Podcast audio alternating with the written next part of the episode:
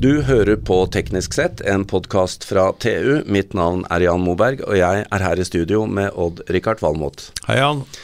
Du Odd-Rikard, nå hørtes du litt sånn kjapp og opprømt ut, men du er jo Ja, men det er, Ja, det er kaldt og fint og godt til jobben i dag, og Ja, klart det er opprømt. men vi skal snakke om, eh, om klimatoppmøtet og eh, hva som kom ut av det nå Ja. et par uker etter det har vært avholdt i Glasgow. Det skal vi. Ja, og da er vel jeg også litt mer pessimist, da. Det er ikke sånn Ja, jeg må si at eh, det, altså det, det så jo bra ut, men eh, la oss se om det funker, da.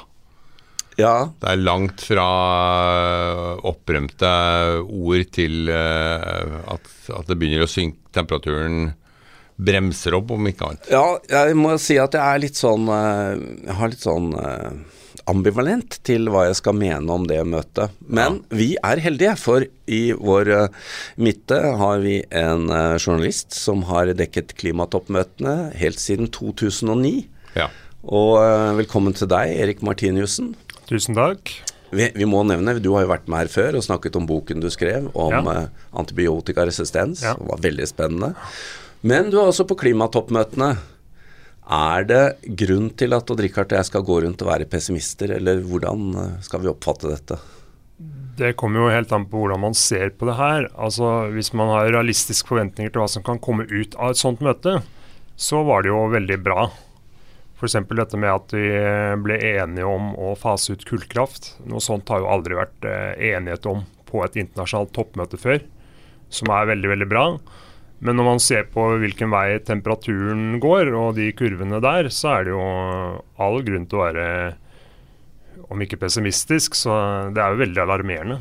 Men du som har vært med på disse møtene i så mange år, hvordan, hvordan har stemningen når du går ut der? Altså En ting jeg tenker de kom med disse Ja. Jeg, jeg skjønner også at dette med kull var faktisk ganske banebrytende. Men, men er det optimisme, eller er det hva, hva, Hvordan ja, er stemningen? På årets møte var det jo merkbart. Altså Du merker forskjell fra møte til møte.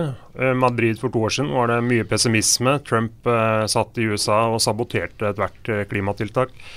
Nå er det kommet en ny administrasjon i USA, og det tror jeg påvirka hele altså den internasjonale prosessen. da. ja. Så nå var jo andre land også veldig villige til å, til å komme, slippe opp, komme inn med ambisjoner, fordi at man ser at man har USA med seg. Eh, amerikanske administrasjonen spilte en veldig positiv rolle på toppmøtet og på en måte ønska også resultater. Så mm, det var en positiv atmosfære der. Men jeg ser jo også at eh, nå, nå er det kaldt i Europa. Det, det blåser ikke noe særlig. Og så er det veldig lett å fyre med mer kull. Spesielt i Tyskland, da, hvor de skal legge ned kjernekraften i, i tillegg. oppå det. Og det, det sier meg at når, når vi virkelig mangler energi, da skyves det på målene, altså. Og det er ikke veldig fort gjort å, å erstatte dagens kraftsystem med fornybart. Selv om tyskerne har store mål. Nei, det tar jo tid, ikke sant. Eh, så jeg tror man må se på dette som eh, et langsiktig prosjekt. Og um, når man snakker om å fase ut kull på sikt, så er det jo de store landene her dette er et signal til. Det er jo US, altså USA og Kina og India eh, dette handler dypest sett om. Ja. Eh, og når de aksepterer at dette må gjøres, så er jo det altså tenker at det har en stor betydning. Da, for da må de eh, Da har de ambisjoner om å legge om politikken sin på sikt. Og det er jo faktisk sånn at Kina f.eks. Rapporteres hele tiden at de bygger ut kullkraft, men de legger ned mer. Så det er en netto eh, reduksjon i kullkraften i verden. Så selv om det bygges da nye kraftverk i Kina, så river de flere gamle enn de bygger nye. Og det er jo positivt. Ja, Det er jo en, eh, en opplysning som eh, sikkert har gått hus forbi for mange. for vi hører jo stadig om at det bygges ny kullkraft, og tenker ikke på at det blir sanert en del. Nei, det flata ut for noen år siden, Ja. og nå er det på vei ned. Og det er jo eh, veldig bra. Men la oss ta to ord om disse to K-ene fra møtet, da. Kull og kvoter. Altså, Det er jo slik at eh, denne teksten om eh, utfasing av kull ble endret litt, men det er jo likevel dramatisk sammenlignet med tidligere klimatoppmøter. Ja, den lille justeringen eh, har ikke så mye å si, fordi at alle land ville at det skulle stå at man skulle fase ut kull, og så kom det inn en setning på slutten om at det også måtte være lov å rense kullkraftverket. Ja. Og Det kan jo egentlig være bra at man får teknologi for rensing. altså Det kan sette fart på, på teknologiutviklingen i forhold til å rense CO2. da. Rense og deponere CO2. Så at ikke Norge og andre land er alene om dette, her, men at også, at også kanskje India og Kina vil jobbe med CCS-løsninger, det vil jo være bra. Eh, det var det Trump mente med clean coal. Ja. Ja. ja, ja. Jeg tror ikke han visste hva det var, men Nei. Nei, men det er, jo, det er jo viktig at eh, ok, så lenge du kan rense det, så kan du fortsatt bruke det. Men, eh, men eh, det er jo en nyvinning. Og så skjedde det noe med, med kvotene. For det har også vært et eh, stort og komplisert tema for, eh, på disse møtene. Ja, det har de jo forhandla om helt siden 2015, siden Parisavtalen kom på plass, egentlig. Altså Klimakvotene havna jo litt i vanry, egentlig, etter, eh, under Kyoto-avtalen. Fordi man hadde så utflytende regelverk og dobbelttelling av utslipp og sånn. ja. Så du hadde liksom land i tredje verden som eh, så sa at vi, nå har vi redusert utslipp så og så mye, og så kjøpte Norge de kvotene og, og avskrev det på sitt klimaregnskap. Men så hadde jo de landene vi kjøpte kvotene fra, de hadde også avskrevet det på sitt klimaregnskap. Så sånn sett var det en dobbelttelling her, da. Som ga ikke reelle utslipp, og hele kvotesystemet handla litt i, i vanry. Men så er det jo sånn at når kvotesystemet er effektivt og stramma inn, sånn som det er i EU sitt eget kvotesystem, som bare gjelder innenfor EU-landene, er jo mye strammere, f.eks. Og Der vil jo et kjøp av en kvote fra ett land fra et annet land gi reelle utslippsreduksjoner. Så målet er jo å få et sånt system internasjonalt da, som er effektivt. Og regelverket de kom fram til i eh, Glasgow eh, var bra sånn sett. Det har stramma inn, eh, inn reglene mye og gjort det lettere å få til reelle utslippskutt. da. Ja, altså det er, Kan vi forvente at det vil bety mye for reduksjonen framover? Allerede fra nå, eller er det mye som skal på plass før det begynner å virke? Ja, Det er jo vanskelig å si. Eh, mitt perspektiv er nok at eh, hvert enkelt land må jobbe med å kutte egne utslipp. Det er jo det viktigste nå. Man må jo kutte raskt og fort. Eh, så for mye kjøp og handel av kvoter kan nok, eh, kan nok gjøre det vanskelig. Men samtidig er det enkelte land som ikke vil være med i det hele tatt. Hvis du ikke har et form for eh, kvotehandelsregime. Så mm, Men hvis du, går, hvis du ser på hjemlige øh, altså vilkår frem mot 2030, så skal vi kutte voldsomt. Og jeg ser jo ikke noe liksom sånn politikk på at vi klarer det. Det er tross alt bare ni år til. mm. Ja, det er jo eh, Det kom jo nylig en rapport fra Veritas som sa at vi ligger langt etter. Ja. Så det er jo absolutt behov for å skjerpe tiltakene både her og i andre land. Det går jo for sakte. Ja, men Har regjeringa noe som helst clou på hvordan vi skal få det til? Norske utslipp har i hvert fall eh, stabilisert seg og gått noe ned Ja. eh, de siste årene, så det er jo en bedring. Eh, Men det må jo gå mye raskere, det er jo åpenbart. Ja.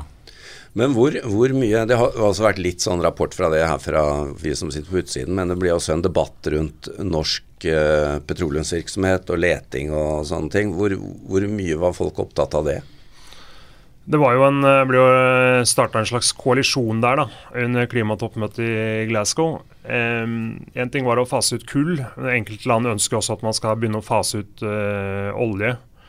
Uh, og Det er jo klart det er jo ikke oljeproduserende land som har tatt det initiativet. Det initiativet kommer fra eh, Danmark og Irland. og og Frankrike var faktisk også med på det initiativet. Eh, så det er jo et sånt samarbeid mellom land da, for å presse andre land til å slutte med å produsere olje. Så det, det er jo mer på å skape en debatt rundt øh, oljeproduksjon, da. Men vi må forvente at dette kommer til å presse oss litt i, Ja, det i Norge. forventer jo alle. Ja. Og det skriver jo til og med Equinor i sine framtidsanalyser at de skal jo slutte med olje på et tidspunkt. Mm. Så spørsmålet er jo mer enn når. En eh, grunn til eh, Erik, at vi aldri kan sende Odd Rikard til et sånt toppmøte, er fordi at han ville gått rundt og snakket om eh, vind, energi og sol og atomkraft og sånn. Hvor, hvor mye er det spesifikt snakk om disse energiformene? Nei, Det er inn, inne i forhandlingsrommet så er det jo veldig lite snakk om det. Eh, hvordan land skal kutte utslipp er jo overlatt til det enkelte land. Så norsk politikk er på en måte norsk politikk, og amerikansk politikk er amerikansk politikk. Og så sitter man og forhandler mer abstrakt land imellom. Så man setter seg mål om hvor mye man skal kutte. ikke sant? Så og så mye skal vi kutte, og så er det opp til hvert enkelt land hvordan de gjør det. Så man snakker egentlig ikke om teknologi, og sånn sett var det veldig banebrytende at dette initiativet om å, å få slutt på kull ble diskutert på internasjonalt nivå. Så spesifikt, da. Ja, ja, og ble også vedtatt. Så, så det var veldig, veldig nytt. Og så tenker jeg Det er uh, to andre ting som kom ut av dette møtet som var veldig viktig. og Det ene er at um, man ble enige om å uh, forsterke klimamålene allerede neste år. Altså Land må allerede neste år, på neste klimatoppmøte, komme inn med nye klimamål. Og Der er det sterk ordbruk. altså Man er requested til å gjøre det. Og så er det dette at man har uh, forsterka 1,5-gradersmålet. Så selv om mange mener at det er et veldig vanskelig mål å nå, så er det viktig at land strekker seg mot 1,5 grader heller enn en 2 grader. Så jo lenger ned vi kommer her, jo større betydning vil det jo ha. Mm. Du hører det, Odd Rikard, at det ville ikke vært ditt møte, dette. Du Nei, jeg ja, hadde kommet til å blitt veldig frustrert over ja. mangelen på løsninger. mm. Altså Det å, å, definere mål er jo for så vidt greit, det er vanskelig nok det internasjonalt. Men løsningene, hvordan skal vi komme dit? Det er jo det som er dynamikken. ikke sant? At ja. Eh, på det internasjonale planet så diskuterer man overordna mål og sånne ting land imellom. Og så må det være et press på nasjonalt nivå for å få til kutt. Så det er jo hele måten Parisavtalen er lagt opp til. At uh, enkelt, hvert enkelt land bestemmer selv hvor mye de er villige til å kutte. Og Da blir det eh, for sånn sett veldig viktig med demokratiske prosesser at det er mulighet for å presse fram tiltak i enkeltland. da. Men det er jo ingen tvil heller om eh, Vi har jo eh, Greta Thunberg, og hun var ute, og vi har jo opinioner i, i, eh, i, befolkningen i mange land som presser på. Og Det sitter vel disse politikerne også og kjenner på, at her er det ikke bare et internasjonalt toppmøte, men det er faktisk noen krav fra, fra befolkningen rundt om. Ja, ja altså det er, jo, det er, jo, I statsvitenskapen da, som jeg har studert, så er det noe man kaller speilingsteori, som jo skyldes av er mer det at land liker å sammenligne seg med andre land som er forbilder. Altså at man strekker seg mot de land man liker å sammenligne seg med. Og sånn har det jo vært litt. ikke sant? Eh, at eh, Kina og India har fulgt vår utviklingsmodell. Og når de begynner å bygge ut vind og sol og fornybart, så er det også fordi de strekker seg etter land som Tyskland og Frankrike f.eks. Eh, og der tenker jeg at det er, det er den dynamikken man må, må se at er, da. Um, så det er jo også da en, den her, at, at, at, man blir enige om eh, store mål på internasjonale toppmøter. Og så er det på en måte opp til hvert enkelt land å bygge ut en effektiv politikk for å kutte så mye som politikerne har bestemt. Mm. Men det er jo teknologidrivende, da. Det, det skal du Absolutt. ha, Rikard. Her ja, det blir mye ja, altså, spennende å følge med på. ja, det er jo lett å se på elbil ikke sant? Som, mm. uh, som noe som skjedde så å si over natta. Altså nå er vel, Det er vel ingen uh, bilprodusent i verden som har store programmer for å utvikle stempelmotoren lenger. Alle snakker om elbil. Ja, og nå skal jo USA og Kina også fase ut fossilbiler eh, innen bestemte år. Så, ja, mm. og der har jo Norge gått foran, det er ingen tvil om. Absolutt, ja. Men, uh, men det, er så, det, er så, mye mer. Og jeg tenker på strømnettet i verden er jo stort sett fossilt. Det, er, det, er, ikke mange land som har sånn som, sånn som oss og vi trenger å gjøre det fossilfritt. Mm. Men det, strømnettet er bare en liten del av en, eh, den energien vi bruker. Ja. Så hvordan vi skal få til det her, det syns jeg er utrolig vanskelig. Altså. Og vi må jo egentlig fjerne fossile utslipp i sin helhet. Eh. Og er, jeg tror 2050 er for, for, for seint. Ja, man må jo ha netto null, sier de. altså Totalt altså kutta 100% nærmest av globale utslipp i 2050. ikke sant? Ja. Og det er jo ikke lenge til. Nei, det er ikke lenge til. Uh, og innen 2030 skal egentlig globale utslipp være, allerede være halvert. Altså, ja. Det, det framstår jo nesten som helt urealistisk. Jeg, jeg syns at det er urealistisk. Du må begynne å planlegge din siste kjøretur med en fossilbil. Det er ikke lenge til. De skal ikke bruke De skal ikke bruke fossil energi i krematoriet, tenker jeg, når jeg skal svi av meg. Det, det er jo åpenbart veldig veldig krevende. Man må jo tenke at det er mulig å gjøre det. Eh, det altså Teknologiene er jo der. Det handler jo om hvor raskt man ruller det ut. Det gjør det. Så. Men til tross for eh, denne problematiseringen da, og, og, fokus på at dette går ikke og sånn, så er det jo ikke noe alternativ eh, til dette internasjonale samarbeidet. Og eh, hvis jeg forstår deg rett, så har, har, jo du opplevd nå gjennom disse årene at det blir stadig mer bindende internasjonalt samarbeid. Så det er vel det som er håpet, da? Ja, absolutt. Siden København så var en total fiasko, hvor folk forhandlerne nærmest rev hverandre i håret. og Det var full krig i, i forhandlingsrommet til det man sitter med i dag, hvor det er enighet om en internasjonal avtale. Og man ønsker, altså Alle land er enige om at vi skal kutte 100% innen 2050, Kina i 2060. Altså Framskrittet der er jo enormt på egentlig ja. 10-12 år. da. Mm.